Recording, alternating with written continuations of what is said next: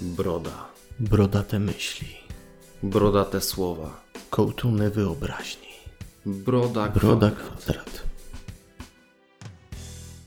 Witajcie w 22 odcinku Brody Kwadrat. Przy mikrofonie dla Was są Mart. oraz Tomek. Dzisiaj porozmawiamy sobie o grach planszowych, w co ostatnio graliśmy. Zaczniemy od gry, która przykuwa nas w pierwszej kolejności swoją estetyką. Tutaj wszyscy się do tego myślę, że zgodzą. Rzadko komu nie pasuje to, jak wygląda Everdell, bo o niej mowa. Jest fantastycznie wydana. Ten baśniowy klimat wylewa się tam hektolitrami z tej gry. Rysunki są niesamowite.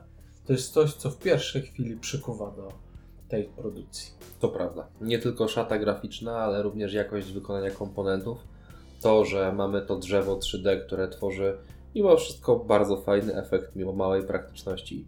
To, że każdy z zasobów wykonany jest z nieco innego surowca, co troszeczkę odzwierciedla faktyczną fakturę tego, czego moglibyśmy się spodziewać po jagodach, drewnie, e, kamyczkach. Mm, Nawet te miple może czasami nie przypominają swoich faktycznych zwierzątek, ale też są fajne. Trudno jest, myślę, w małym drewienku oddać e, idealnie kształt każdego ze zwierzaków, a jest ich tam mnóstwo. Ale z mniejszym lub większym powodzeniem udało się to twórcom zrobić. Ja wcześniej widziałem e, głównie Webdel na zdjęciach, już wtedy prezentowało się dobrze, a jak Mhm. Matt pokazał mi na żywo w pełnej krasie, no to zrobiłem wow. Od razu zacząłem robić foty, zresztą e, teraz zostały opublikowane wraz z tym odcinkiem. Mhm. Na Instagramie można zobaczyć e, nieco fotorelacji z naszej właśnie ostatniej rozgrywki. Natomiast co do samej gry. Everdell e, ukazał się w 2018 roku. E, Ocena na BGG to 8.1, czyli bardzo wysoko i naprawdę rozumiem skąd ta ocena się Też wzięła. się nie dziwię, Oryginalnym wydawcą jest Starling Games, a polskim Rebel. ale u nas podbiła rynek tak naprawdę w tamtym roku. Szum, jaki wokół tej gry był, był naprawdę duży, zdobywała i tytuły gier roku i gdzieś cały Mhm. czas pojawiała się w topkach. No stop, widziałem ją na YouTubie tych kanałów, które zajmują się planszówkami. Mhm. To prawda. Na początku Everdell zrobił małą furorę, ale kiedy pierwszy nakład się e, rozszedł, to ludzie raczej po prostu szukali tych kopii gry. E, Przy dodruku e, i w momencie, kiedy zaczęły pojawiać się wzmianki o tym, że dodatków będzie więcej i że rodzina Everdellowa rozrośnie się niebawem, faktycznie szum wokół tej gry zrobił się coraz to większy. No tu mnie zaskoczyłeś w ogóle, że to ma tyle dodatków. Słyszałem o zimowym szczycie Mhm. i na tym zakończyła się moja wiedza, a nagle słyszę od Ciebie, że tam jest tego multum. Nie no, generalnie na chwilę obecną mamy trzy małe dodatki, trzy duże dodatki i zapowiedziane co najmniej dwa kolejne wraz z Big Boxem. Widać, że to siadło. Siadło i no cóż, powodów składowych mam wrażenie tego sukcesu jest wiele. Przede wszystkim to, co już wspomniałeś, czyli przepiękna aura graficzna, która sugeruje lekką, rodzinną, familijną rozgrywkę. Oj, tu ktoś sugerujący się samą estetyką może się srogo pomylić. Z jednej strony zgadzam się, z drugiej strony wydaje mi się, że Everdell może być sprowadzony do nieco bardziej lżejszych tematów. E, Nie widzę, żeby w tą grę mogły grać dzieci młodsze niż nastolatkowie, tam nie wiem, 12 lat powiedzmy. No nie jestem w stanie sobie wyobrazić, żeby młodsze dzieci były w stanie ogarnąć tą grę. Myślę, że wiele osób by Ci w tym momencie powiedziały, że de facto jest inaczej i dzieciaki radzą sobie tak. w młodszym wieku. Pewnie tak, mam, mam po prostu takie Mhm. wrażenie, że ta gra może jest bardziej skomplikowana niż się wydaje. I tu od razu pewien plus. Gra z samego założenia jest e, prosta, jeżeli chodzi o zasady, Mhm. ale ilość mechanik i synergii jest Mhm. na tyle skomplikowana, że to mamy do czynienia z typowym easy to learn, hard to master. Samo tłumaczenie gry może nie jest zbyt trudne i zasad faktycznie tych głównych nie jest zbyt wiele, ale dochodzi dużo, dużo takich mikroelementów, które komplikują to w przyswojeniu, zwłaszcza przy pierwszej rozgrywce. Z tego co pamiętam, ty tłumaczyłeś mi może z 5 minut, zanim siedliśmy do gry. To naprawdę było ekspresowo, Mhm. ale później faktycznie jak gdzieś tam dopytywałem się, Mhm. czy jedna mechanika z drugą się wiąże, brakuje mi takiego jakiegoś małego słownika e, z naków i ikonografii. Mhm. No, myślę, że faktycznie jakaś taka mm, karta Takiej pomocy, pomocy byłaby. Mhm. zdecydowanie pomocna, zwłaszcza przy początkach z tą grą. Natomiast tak, Coś, co myślę, że warte jest do napomknięcia jeszcze, zanim przejdziemy do serca mechaniki, to otoczka fabularna, która wokół tej, gry istnieje. I ty co prawda nie miałeś za bardzo okazji tego zaobserwować, bo to kryje się w instrukcji, do której nie dałem ci zajrzeć. Natomiast od samego początku tam nie brakuje różnego rodzaju fajnych wstępów fabularnych. Możemy tam dowiedzieć się nieco o e, Przemysławie, który jest założycielem całej tej e, osady Everdell. I to on jest tym królem szczurem, tak? Na pewno był pierwszy. Okej, bo ja miałem kartę króla Mhm. i stąd też moje pytanie. E, Tutaj, jeżeli ktoś poza zwykłą rozgrywką planszową będzie chciał poszukać czegoś więcej, tych materiałów, tych takich bardziej właśnie fabularnych opisów w instrukcji jest pełno. I powiem szczerze, jest to fajny aspekt. Natomiast przechodząc do samej mechaniki, no to o ile gra bardzo silnie nam sugeruje, jak już wspomniałem, że mogłaby to być fajna, miękka, e, rodzinna rozgrywka, no to nie do końca tak jest. Mimo, że w grze nie ma zbyt dużej interakcji między graczami. No bo jasne, są pewne karty, które pozwalają nam pójść do innych graczy. Jest tam jakaś jedna, dwie karty, które pozwalają nam trochę negatywnej interakcji bezpośrednio Jednak w prowadzić. większości wypadków gramy sami ze sobą, Mhm. a jedyna interakcja jakie są to raczej blokowanie pól przez inne Dokładnie. osoby. Ewentualnie podbieranie sobie kart. Sporadycznie. Sama mechanika, ta główna, jest bardzo prosta. Mamy na początek swoją rękę kart. Oprócz tego na stole wyłożona jest tak zwana łąka, na której dostępne są karty do zagrywania dla wszystkich graczy. I naprzemiennie w ustalonej kolejności będziemy wykonywać swoje ruchy. I mamy dwa miple i tutaj ten element worker placementowy. Mhm. Zaczynamy z dwoma miplami, bo potem przygotowując się do kolejnych pół roku zyskujemy ich trochę więcej. Ale faktycznie w samej podstawce bez żadnych dodatków dysponujemy dwoma. Możemy wysyłać je na pola na swoich kartach, na pola główne na planszy, e, bądź też na wydarzenia. Czyli w praktyce albo wysyłamy, żeby uzyskać jakiś surowiec, albo wywrzeć jakiś efekt. W momencie, kiedy skończą nam się możliwości zagrywania kart i wysyłania naszych pracowników, musimy przygotować się do kolejnej pory roku.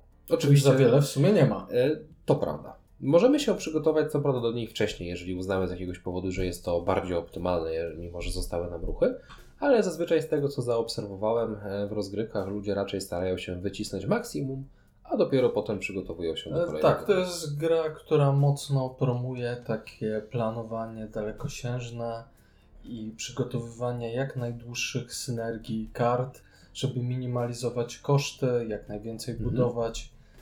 I to jest coś, czego za pierwszym razem e, można nie docenić. Mhm. Też coś, co pokazuje pewien minus tej gry od razu. Ogromna losowość. Nie o to mi chodziło, Aha. ale też. Okej. To prawda, losowość to jedno, ale chodzi mi bardziej o to, że jedna osoba może skończyć grę nawet 15 minut wcześniej niż Mhm. inne To prawda. i gra w żaden sposób nie daje nam czegoś, co mają inne produkcje, że e, pokazuje innym graczom, dobra, wy zaraz też kończycie, macie swoje ostatnie ruchy. Nie. Tutaj jak ktoś skończy, po prostu czeka. Okej, masz rację, mimo że losowość dla mnie jest dużym minusem. To chyba największy E, minus, to prawda. Nie jestem kurde teraz pewien, bo to co wspominasz jest czymś, co raziło mnie od samego początku, od pierwszej rozgrywki. E, No i wczoraj, kiedy graliśmy, miałeś okazję przekonać się o tym sam na własnej skórze, dlatego że ty swoje ruchy wykorzystałeś jako pierwszy. I faktycznie, zanim gra fakt, do, dobiegła do końca, takiego No dosłownie końca 15 końca, minut czekałem. tak. Niestety, o ile rozumiem z jednej strony, że gra nagradza kogoś za fakt dobrego planowania, dobrania kart i odrobiny szczęścia, w efekcie czego tych ruchów mamy więcej, no ale z drugiej strony ja bardzo nie lubię, jeżeli z jakiegokolwiek powodu podczas gry któryś z graczy przestaje grać, siedzi, no i tak naprawdę może patrzeć, co dzieje się na stole, ale już nie bierze aktywnego udziału w rozgrywce. Wydaje mi się, że to inaczej trochę będzie wyglądało przy następnych rozgrywkach, kiedy ja zdaję sobie większą sprawę, że trzeba zaplanować to tak, żeby zrobić jak najwięcej tych ruchów. Oby tak było, natomiast z tego, co mi się udało zaobserwować, może w mniejszej lub większej skali, ale taki element następuje zawsze. Ty możesz mieć świetny plan, ale niestety to, o czym wspomnieliśmy, czyli ogromna doza Czyli losowości, druga rzecz właśnie. może ci to koszmarnie poplątać. Ja byłem przekonany, że mam fajne pomysły, Mhm. ale gdzieś tam musiałem podskórnie liczyć, że dojdą mi konkretne karty albo postaci, które będą mogły za darmo wchodzić dzięki stawianym budynkom, Mhm. albo dojdą mi budynki do tych dobrych postaci, które miałem. Nig- Nic takiego nie miało niestety miejsca. Ta gra, mimo że pozornie z pory roku na porę roku daje nam więcej możliwości, tak naprawdę cały czas obraca się wokół takiej trochę klaustrofobicznej e, atmosfery, wobec której albo brakuje ci karty, którą chciałbyś zagrać, albo brakuje ci surowców, albo brakuje ci mipla. Mhm. I y, ja rozumiem, że to można gdzieś wyważyć i że mogą być gry, gdzie no, nie będzie z tym problemu. No tu jest to jednak kwintesencją. Z jednej strony można to rozpatrywać jako plus, z drugiej jako minus. E, Myślę, że to kwestia tego, kto oczekuje czego. Natomiast coś, co moim zdaniem jako aspekt mechaniki zasługuje na bardzo duży plus i co mi się bardzo podoba, a co jest kontrastem do na przykład takiej gry jak na skrzydłach, Mhm. która w początkowych fazach w ogóle dla mnie była koszmarem bez dodatku, to jest to, że tutaj zaczynamy z małą ilością ruchów, no bo tak jak już wspomnieliśmy, dwa miple. W trakcie rozgrywki dostajemy ich coraz więcej. Jednocześnie z budynków produkcyjnych, które powinniśmy w tym czasie sobie pobudować i różnego rodzaju stworzeń, dostajemy też większy przychód surowców. Ale to jest dobra tendencja, logiczna. Zaczynasz od czegoś mniejszego, Mhm. tworzysz jakieś małe struktury, mechanizmy i powiązania, a dopiero później zaczynasz z nich jeszcze coraz bardziej, coraz bardziej korzystać. Nie rozumiem trochę zastosowania odwrotnej sytuacji. Ja też jej nie rozumiem i bardzo jej nie lubię, natomiast są właśnie gry jak chociażby wspomniane na skrzydłach, gdzie z tury na turę tracisz ilość akcji. Trochę, trochę mija No, się to stałem. dwa różne koncepty, ten Everdolowski do mnie bardzo przemawia, ten drugi mnie No to jest wstręcza. naprawdę w porządku. Zresztą ja bym chciał odwrócić na chwilę to, co powiedzieliśmy o losowości. Mhm. Jest tu pewien aspekt losowości, który jest bardzo dobry i wpływa na regrywalność. Czyli niektóre pola na naszej łączce mamy stałe, gdzie Oj tak. możemy pobierać Mhm. surowce i mamy elementy zmienne, które wylosowujemy z kart. I to naprawdę potrafi wiele zmienić. I to Mart powiedział mi na początku, słuchajcie, z kamieniem to tutaj bywa problem, a wylosowaliśmy nagle takie karty, gdzie możemy dowolny surowiec pobrać i dobrać kartę, gdzie możemy trzy karty pobrać i ten rzeczony kamień Mhm. i nikt nie miał w ogóle problemów z żadnym kamieniem. To prawda. Standardowo w grze mamy tylko jedno pole na planszy, które ten kamień pozwala nam pozyskiwać. Dlatego No, ci uwierzyłem. Oczywiście jest też pole, które pozwalało odrzucać kartę za dowolne surowce. No ale w dotychczasowych rozgrywkach, no fakt faktem, czasem dochodziły jakieś dodatkowe możliwości pozyskiwania kamienia chociażby z budynków, ale z drugiej strony jego potrzebne jest sytuacyjnie czasem bardzo dużo. I o dziwo ta gra pokazała, że wszyscy kamieni to mieli tyle, no, że mogli budować co chcieli. Kolejny aspekt, który można rozpatrywać jako minus i plus, to jest nasza wioska. I dużo miejsca na karty w naszej wiosce. Pozornie dużo, a im bliżej końca gry, tym bardziej przekonujemy się, że jest go trochę za mało. No i z drugiej strony, my akurat graliśmy w trójkę, więc każdy miał 15 miejsc na swoją wioskę, czyli na budynki i postacie. I to jest fajne, bo dawało nam te możliwości kombinacji, ale z drugiej strony, przy trzech graczach wciąż było ich za dużo, bo aż 45 miejsc, na które musimy zwracać uwagę. Szczególnie, że niektóre karty miejsca wybudowane u mnie pozwalają innym graczom przychodzić do mnie. I nagle komplikacji było co niemiara i tak naprawdę nie widziałem, żeby ktokolwiek z nas skorzystał z wybudowanego miejsca innego gracza. A przy czterech osobach to już ciężko mi sobie wyobrazić, żeby ktoś to zapamiętał i się nie pogubił. Znaczy, myślę, że czujność e, względem tego, co dzieje się u innych graczy, jest bardzo istotna, bo poza budynkami, o których Ty wspominasz, jest też dużo innych rzeczy, na które warto zwracać uwagę. Przede wszystkim, no chociażby ta mała doza negatywnej interakcji, której było u nas mało. Jeżeli ja widzę, że Ty masz budynek, który pozwala Ci coś zabrać za darmo, teoretycznie mógłbym próbować Ci w tym przeszkodzić. Poza tym, dochodzą takie aspekty, jak na przykład błazen, którego Ci zagrałem. On daje ujemne punkty, zajmuje ci miejsce, ale z drugiej strony ty miałeś budynek, który delikatnie ci to mm, wypłaszczał. No tak, no bo Błazen jest postacią unikatową, a ja Mhm. miałem teatr, który e, punktował mnie za postacią unikatową, więc tylko tyle, albo aż tyle, że zająłeś mi jedno miejsce z 15.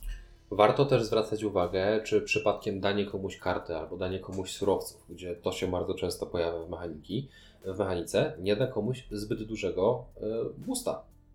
I tu widzę też problem, e, że wchodząc na niektóre pola, dajemy coś innemu graczowi. Mhm. I tu już tego, ten wybór gracza, co komu dajemy, może mieć duży wpływ na dalszą rozgrywkę. Mhm. I może dochodzić do takiego wykluczania gracza. Dobra, ty mi dałeś wcześniej te karty, to ja tobie też dam, a ten trzecia osoba czy czwarta siedzą i nie mają z tego korzyści. Może Są tak przez to być. plecy. Chociaż wydaje mi się, że w tej grze priorytet wyboru mm, gracza, któremu coś dajemy, powinien być podejmowany na zasadzie kto zyska najmniej na tym, że coś komuś dam. Powinien, ale różnie z tym jest.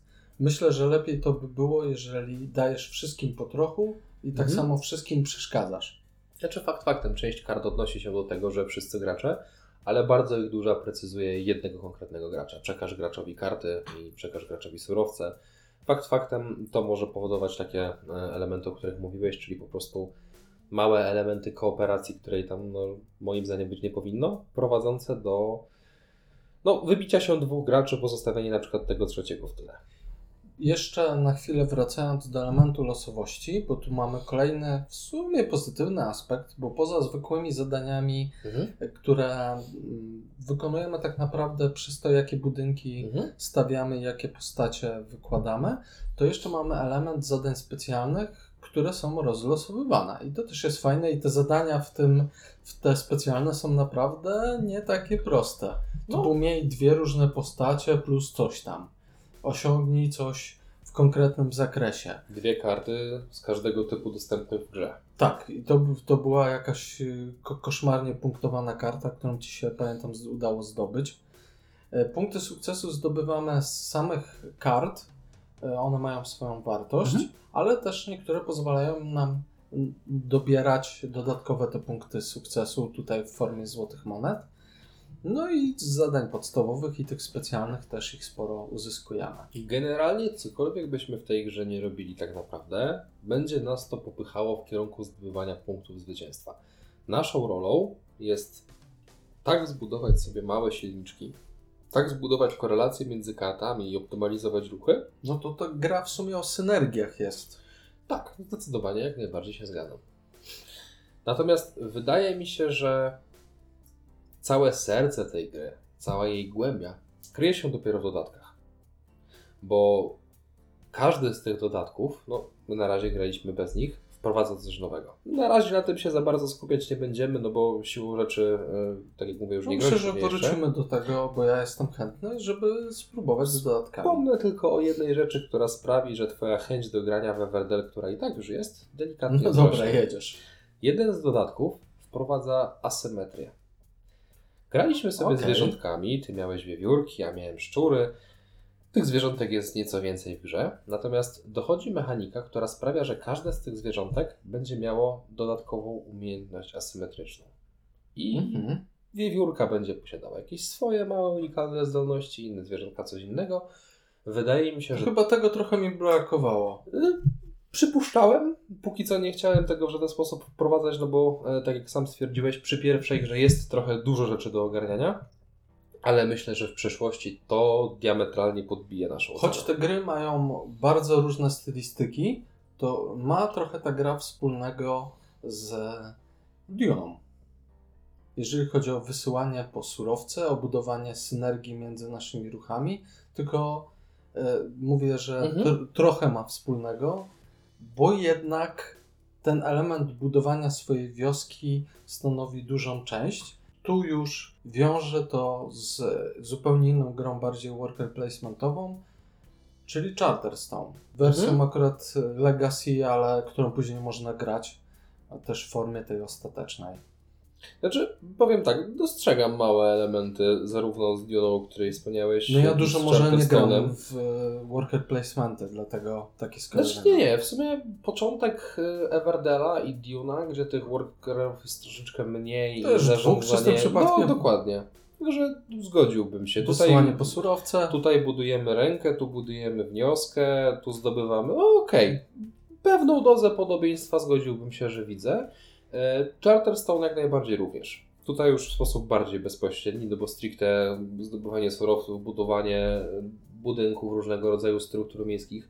Okej, no Tylko nie w formie kart, tylko w formie Tak, no, naklejanych Wiadomo, na no, planszy. nie jest to ta sama gra, ale dostrzegam pewną dozę pokrewieństwa. Ty więcej grałeś w worker placementy. Do czego byś Everdell przyrównał albo zestawił? Paradoksalnie ja bym najchętniej porównał to właśnie do wspomnianego już wcześniej na skrzydłach. Mm, Może te gry bardzo się od siebie różnią, chociażby tym, o czym wspomniałem, że jedna się rozwija, druga kurcze w trakcie rozgrywki.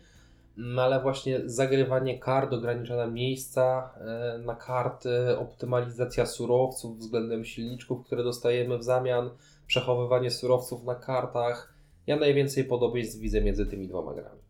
Mhm, rozumiem. A jak miałbyś wybierać, która z nich jest lepsza? Dla mnie Everdell jest hitem, na skrzydłach stało się grywalne dopiero po dodatku. Ale na skrzydłach to też na przykład gry, która mocno wystrzeliła ze względu na swoją stylistykę i była w Polsce Mhm. mocno popularna. Dalej Też jest. dużo, ją, dużo o niej słuchałem i oglądałem, ale nie zdarzyło się, żebym zagrał. No, może kiedyś jeszcze będzie okazja. E, No, na razie się o tej grze nie będę rozwodził, bo nie to jest tematem odcinka. Ma swoje duże plusy, ale szczerze wydaje mi się, że od razu z dodatkiem dla Ciebie. Okej, póki co twoja brodata ocena do Everdela? Jeżeli miałbym oceniać samą podstawkę, no bo de facto to No, graliśmy, zostańmy przy podstawce. dałbym solidną szósteczkę z dużą e, szansą wzrostu przy dodatkach. U mnie to samo. Mhm. 6 w takim razie zgodna, Wyjątkowo. ale pozostajemy w temacie synergii i drobnych mechanizmów. No, paradoksalnie to podobieństw będzie dużo więcej. Przede wszystkim to samo Tak. polskie wydawnictwo, e, dwie gry na literę E i dwie gry, w których główną rolę odgrywają karty. Tak, mowa o Elysium. Tak, zwierzątka zostawiamy na rzecz greckiej mitologii. Tu już stylistyka e, bardziej mi się podoba, choć e, no miałbym trochę do Powiedziałbym przyczepienia, tak. Ilustracje jeżeli chodzi o ilustrację. Bardzo proste, ale pasujące i klimatyczne. Oddają klimat.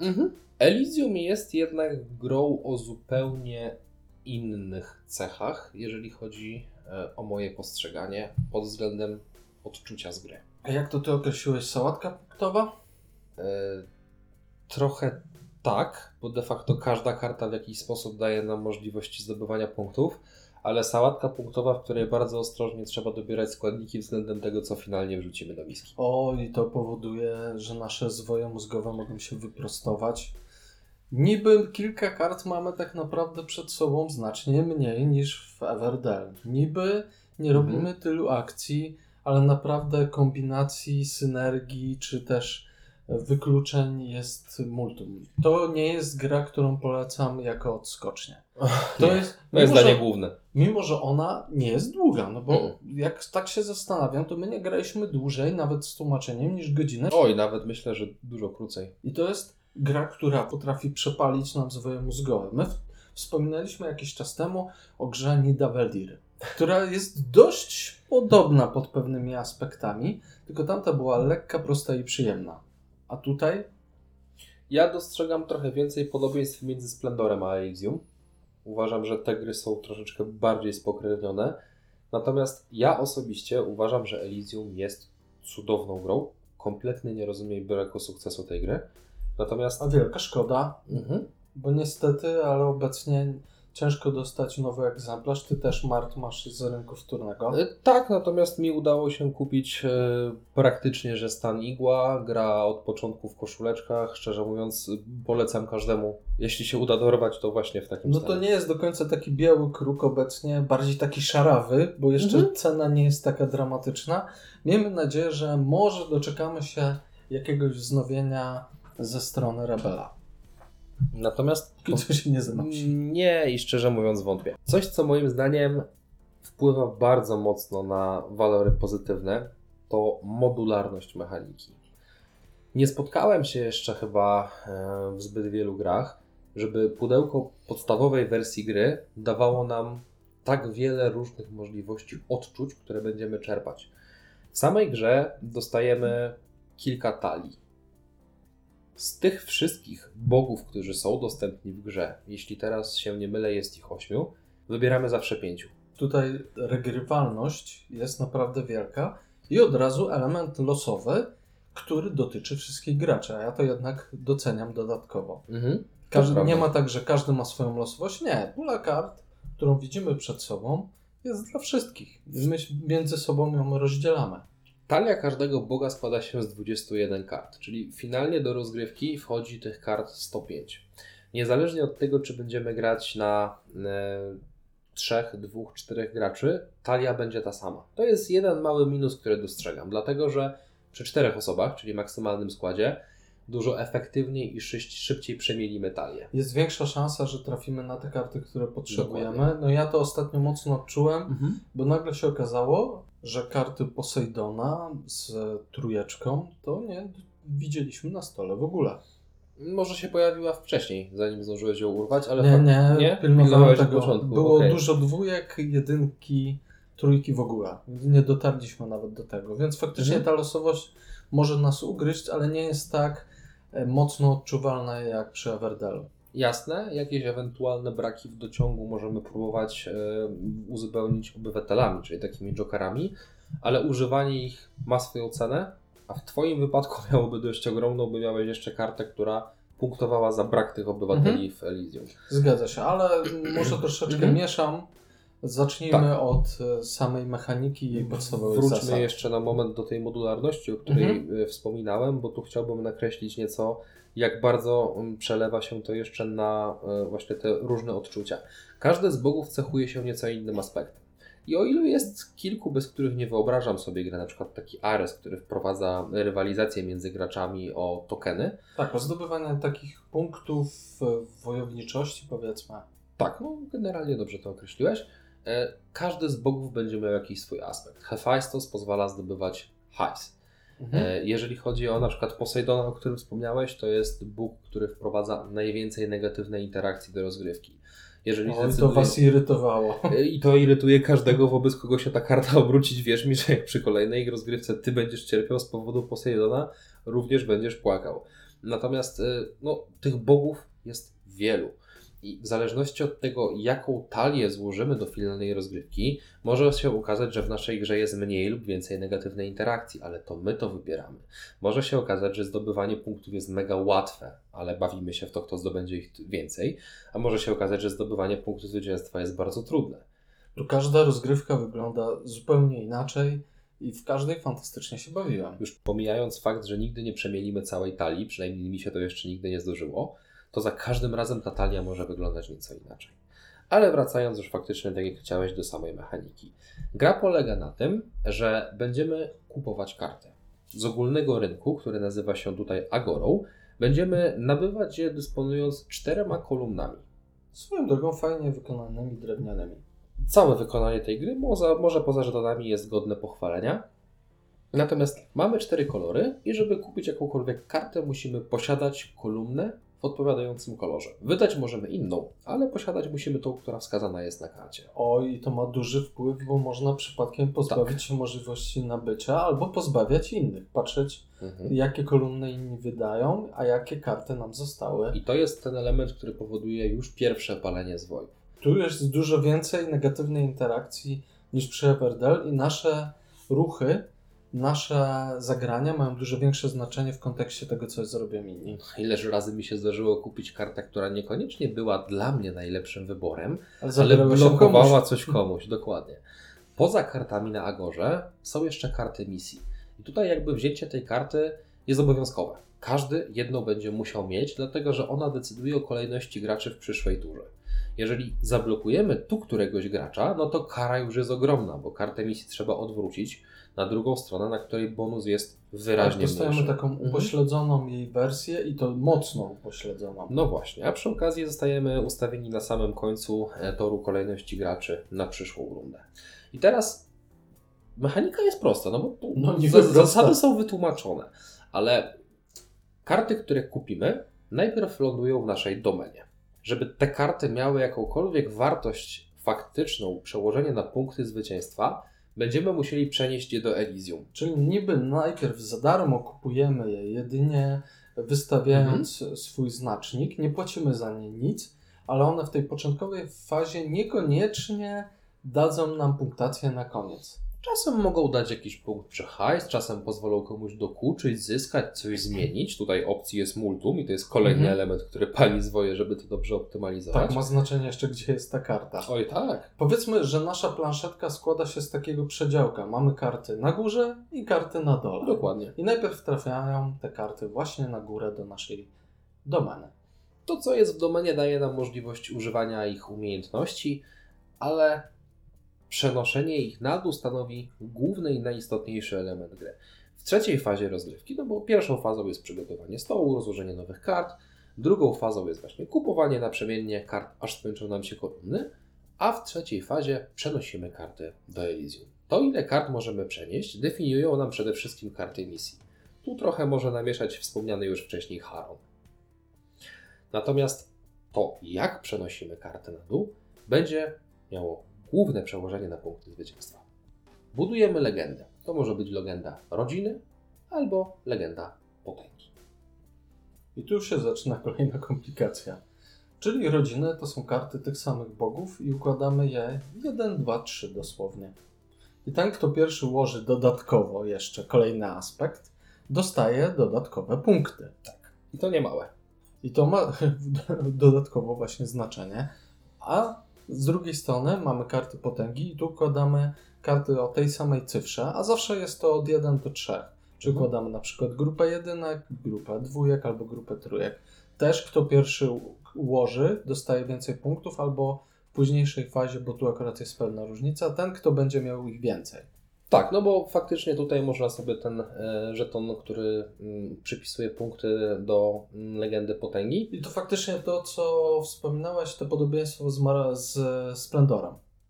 Tak, no po Tu części widzę. tak, Mhm. bo w Marvelu mamy również, w Splendor Marvel Mhm. Mamy akurat w to graliśmy. Dokładnie, no bo w zwykłej akurat wersji tego nie ma, dlatego chciałem to nakreślić. Jest ten symbol Avengersów, który możemy sobie zabierać i tutaj podobnie może być z tymi tokenami. I w tym momencie, kiedy połączymy to wszystko, czyli dobieranie kart, tak żeby zyskiwać korzyść, ale przeszkodzić trochę innym graczom. Żeby owocnie przenosić je do Elysium, korzystać z tych umiejętności, a jednocześnie pilnować innych graczy, żeby nas nie A jeszcze przenosząc, musimy pamiętać, że A, zapłacimy koszt przenoszenia w zależności od tego, czy to jest 1, 2, 3, to ta, tyle musimy wydać pieniędzy. O dziwo w tej ostatniej rozgrywce nie było zbyt dużego problemu z kasą. Tak, ona nie stanowiła jakiegoś ważnego elementu naszej potyczki, ale wcześniejsza Mhm. gra, pamiętam, że Oj tak. mocno opierała się o kwestie finansowe. Tak, to zgadza się. Generalnie wymiar rozgrywki może być bardzo różny. W zależności od tego, co pojawi się na gorze, w zależności od tego, gdzie na samym początku, jak przygotujemy już talię naszej gry. No, regrywalność tej gry, ilość emocji, zarówno pozytywnych, jak i tych pozytywnie negatywnych, których ona może dostarczać, jest przeogromna. Rzadko kiedy spotykam się z grą, która w ciągu godziny potrafi wycisnąć na, z nas ostatnie soki, powodować cały czas interakcje Mhm. e, i konieczność zwracania uwagi na ruchy przeciwnika, czego w Everdelu nie było w ogóle. Ja tak naprawdę nie musiałem mocno patrzeć, co inni robią, bo nawet nie zawsze dało się przewidzieć, co kto, ktoś Mhm. dalej rozbudowywać. Tu widzimy to od razu. I ktoś będzie zawsze w plecy, jeżeli nie będzie zwracał na to uwagi. Przede wszystkim jest tutaj dużo większa dynamika rozgrywki. W każdej turze wykładamy nową agorę. Z tej agory znikną prawie wszystkie karty. Oprócz tego, że patrzymy, co jest ważne dla nas, musimy bardzo zwracać uwagę, co jest ważne u innych graczy. W e- Everdelu pan 6, Nie, najwyżej, przeoczysz, najwyżej przeoczysz coś i no... Tu w Elysium jest to kluczowe. Trochę nie rozumiem, jak to się stało, że ta gra przeszła bez większego echa. To jest fantastyczna produkcja, krótka, wymagająca i jeszcze z fajną estetyką. Trochę ciężko mi e, wyjaśnić, skąd taki brak poparcia. Kompletnie tego nie rozumiem. Yy, No, mimo wszystko, chociażby BGG-owa ocena jest już zauważalnie niższa, bo tutaj to jest 7,2. To ale wciąż Wciąż wysoka. Natomiast dlaczego ta gra nie odniosła sukcesu w naszym kraju? Nie mam pojęcia. Ja bardzo cieszę się, że trafiła do mojej kolekcji. Mimo wszystko są dwa minusy, o których chciałbym wspomnieć. No to dawaj. Pierwszy i największy jest taki, że ta gra jest już niedostępna. Okej, to jeszcze jakoś do przebolenia. No oczywiście pół Jak już się ma grę. Natomiast jedynym faktycznym minusem, który, który zauważam, to jest mały element krótkiej kołderki, czyli to, co w Everdelu wspominałem, że rozwija nam się w trakcie gry. W Elysium gramy tylko 5 rund. Tak jak powiedziałeś, ta gra jest bardzo szybka. Trochę brakuje mi chociaż tej jeszcze jednej rundy, bo bardzo często jest ten efekt, który chociażby Ty zaobserwowałeś, brakuje mi jednej karty. Ale tutaj brakuje wszystkim. Tak. I tutaj nie ma sytuacji, że ktoś może zoptymalizować i zrobić więcej ruchów. Wszyscy mamy tyle samo, to się nie zmieni. Gra jest pod tym kątem całkowicie uczciwa dla wszystkich graczy i szczęście aż tak nie ma do rzeczy i aż takiego znaczenia. Zgadzam się. Troszkę ma, ale tą losowość możemy oswajać. To jest ten typ losowości, którą lubię. Mogę powiedzieć, że Elysium na pewno ma dość ugruntowane miejsce w mojej topce gier i wątpię, żeby kiedykolwiek z niej zniknęło. No dobra, to jaka brodata ocena ma? Dla mnie to jest 9 na 10. No, to tym razem też się zgadzamy. O kurczę. Dziewiąteczka. Jedna z lepszych gier, w które grałem, a tutaj jeszcze fakt dodatkowo, że ona nie jest zbyt długa, potęguje to. Mm, Jakby to była gra, która rozkładałaby się na jakieś 2-3 godziny grania, by pewnie ocena byłaby nieco niższa. Ale dzięki temu, że jest dynamika, Mhm. że jest skomplikowanie i że ja się czuję jak po jakiejś partii szachów grając w to, to faktycznie dziewiątka zasłużona i mam nadzieję, że mimo tego braku dostępności na rynku i jedynie obecności w rynku wtórnym, no to ktoś z Was sięgnie po tą grę. Powiem szczerze, mimo że trochę w to powątpiewam, bardzo chciałbym zobaczyć drugą No, edycję. myślenie życzeniowe, no wiem. E, powiem więcej, gdyby wyszła nowa edycja, pod warunkiem, że, pod warunkiem, że nie zostałoby coś strasznie sknocone chociażby z szatą graficzną, ale jeżeli dostaniemy reedycję z tą samą mechaniką, z odnowieniem i poprawieniem grafiki, biorę. Biorę od razu, w preorderze. Czyli zgodnie polecamy. Zdecydowanie polecamy. Na sam koniec taka mała gierka, gra dobra dla mm, w gruncie rzeczy nawet tych, którzy zazwyczaj w planszówki nie grają, taki filerek. Imprezówka. No również, to Mhm. prawda.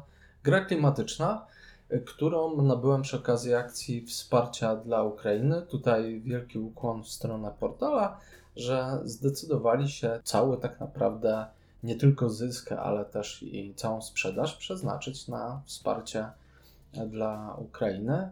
Chodzi konkretnie o grę ukraińskich y, twórców, bo tajemnicze domostwo. Jeżeli ktokolwiek z Was grał w e, dość klasyczną i znaną grę pod tytułem Dixit, To myślę, że jest jedna z tych gier, która po gdzieś tam talizmanie i monopolu Mhm. jest nawet znana wśród e, mniej związanych z naszym świadkiem. jest dość rozpoznawalna.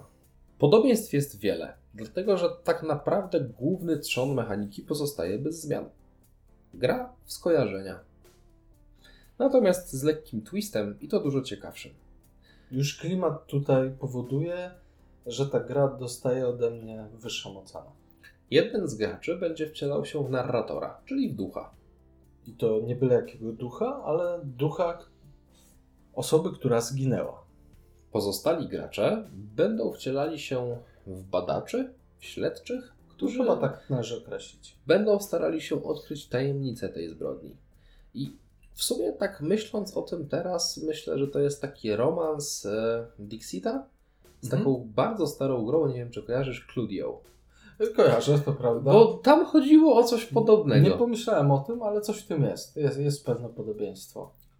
Gracze będą musieli odkryć, kto zabił, czym zabił I gdzie? i gdzie zabił. Duch za pomocą karty snów będzie zsyłał podpowiedzi. I tutaj to duże podobieństwo do Dixita. Te karty snów są abstrakcyjne, Momentami nawet za bardzo. ale jednocześnie są fantastycznie zrobione. W ogóle szata graficzna jest tutaj naprawdę super. To jest taki Mhm. klimat z pogranicza e, baśni, horroru i snu, jak żywcem z Edgara Allana Poe, Mhm. trochę może gdzieś tam z Agaty Christie. To wszystko jeszcze przepuszczone jest przez jakąś surrealistyczną wirówkę Zmiksowane ze sobą. i dostajemy efekt końcowy.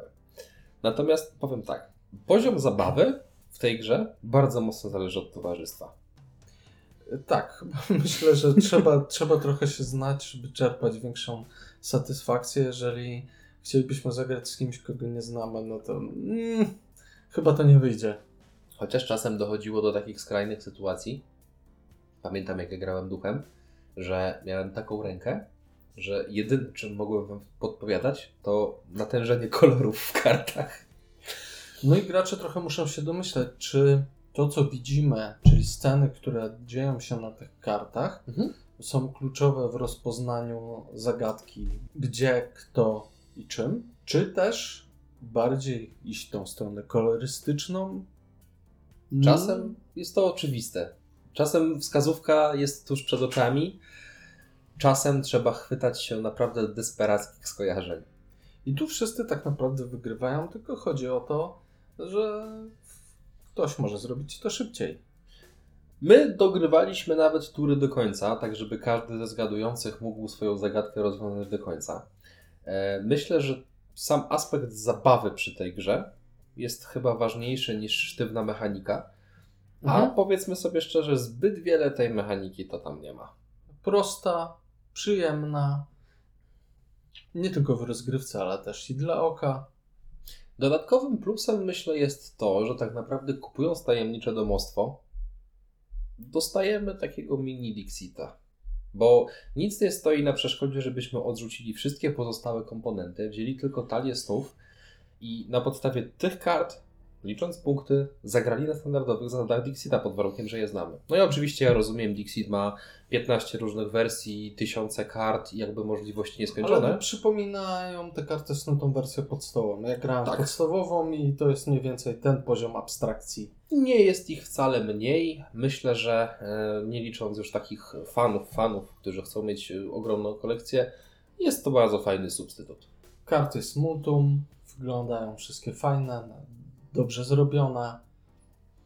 Nic dodać chyba do tego nie. Nie, gra jest bardzo fajnym filerkiem. Nie jest to coś, co bym wpisał do swojej topki. Na pewno sięgnę dużo chętniej niż po Dixita, ale z czystym sumieniem polecę każdemu na luźniejszy wieczór. Dla mnie to taka solidna szósteczka. Kurde, znów się zgadzamy. Całość dzisiaj ten odcinek jest do nagrania od nowa. Do wyrzucenia. nie może być tak, że się zgadzamy. Tym pozytywnym akcentem mimo wszystko pożegnamy się z Wami na dziś. Ze względów urlopowych będziemy mieli jednotygodniową e, przerwę i wracamy za dwa tygodnie z nowym odcinkiem. Tak, mam nadzieję, że e, tęsknota wzmoże tylko Wasz apetyt i trzymajcie kciuki za nasz wyjazd. Dzięki za wysłuchanie. Trzymajcie się i do następnego.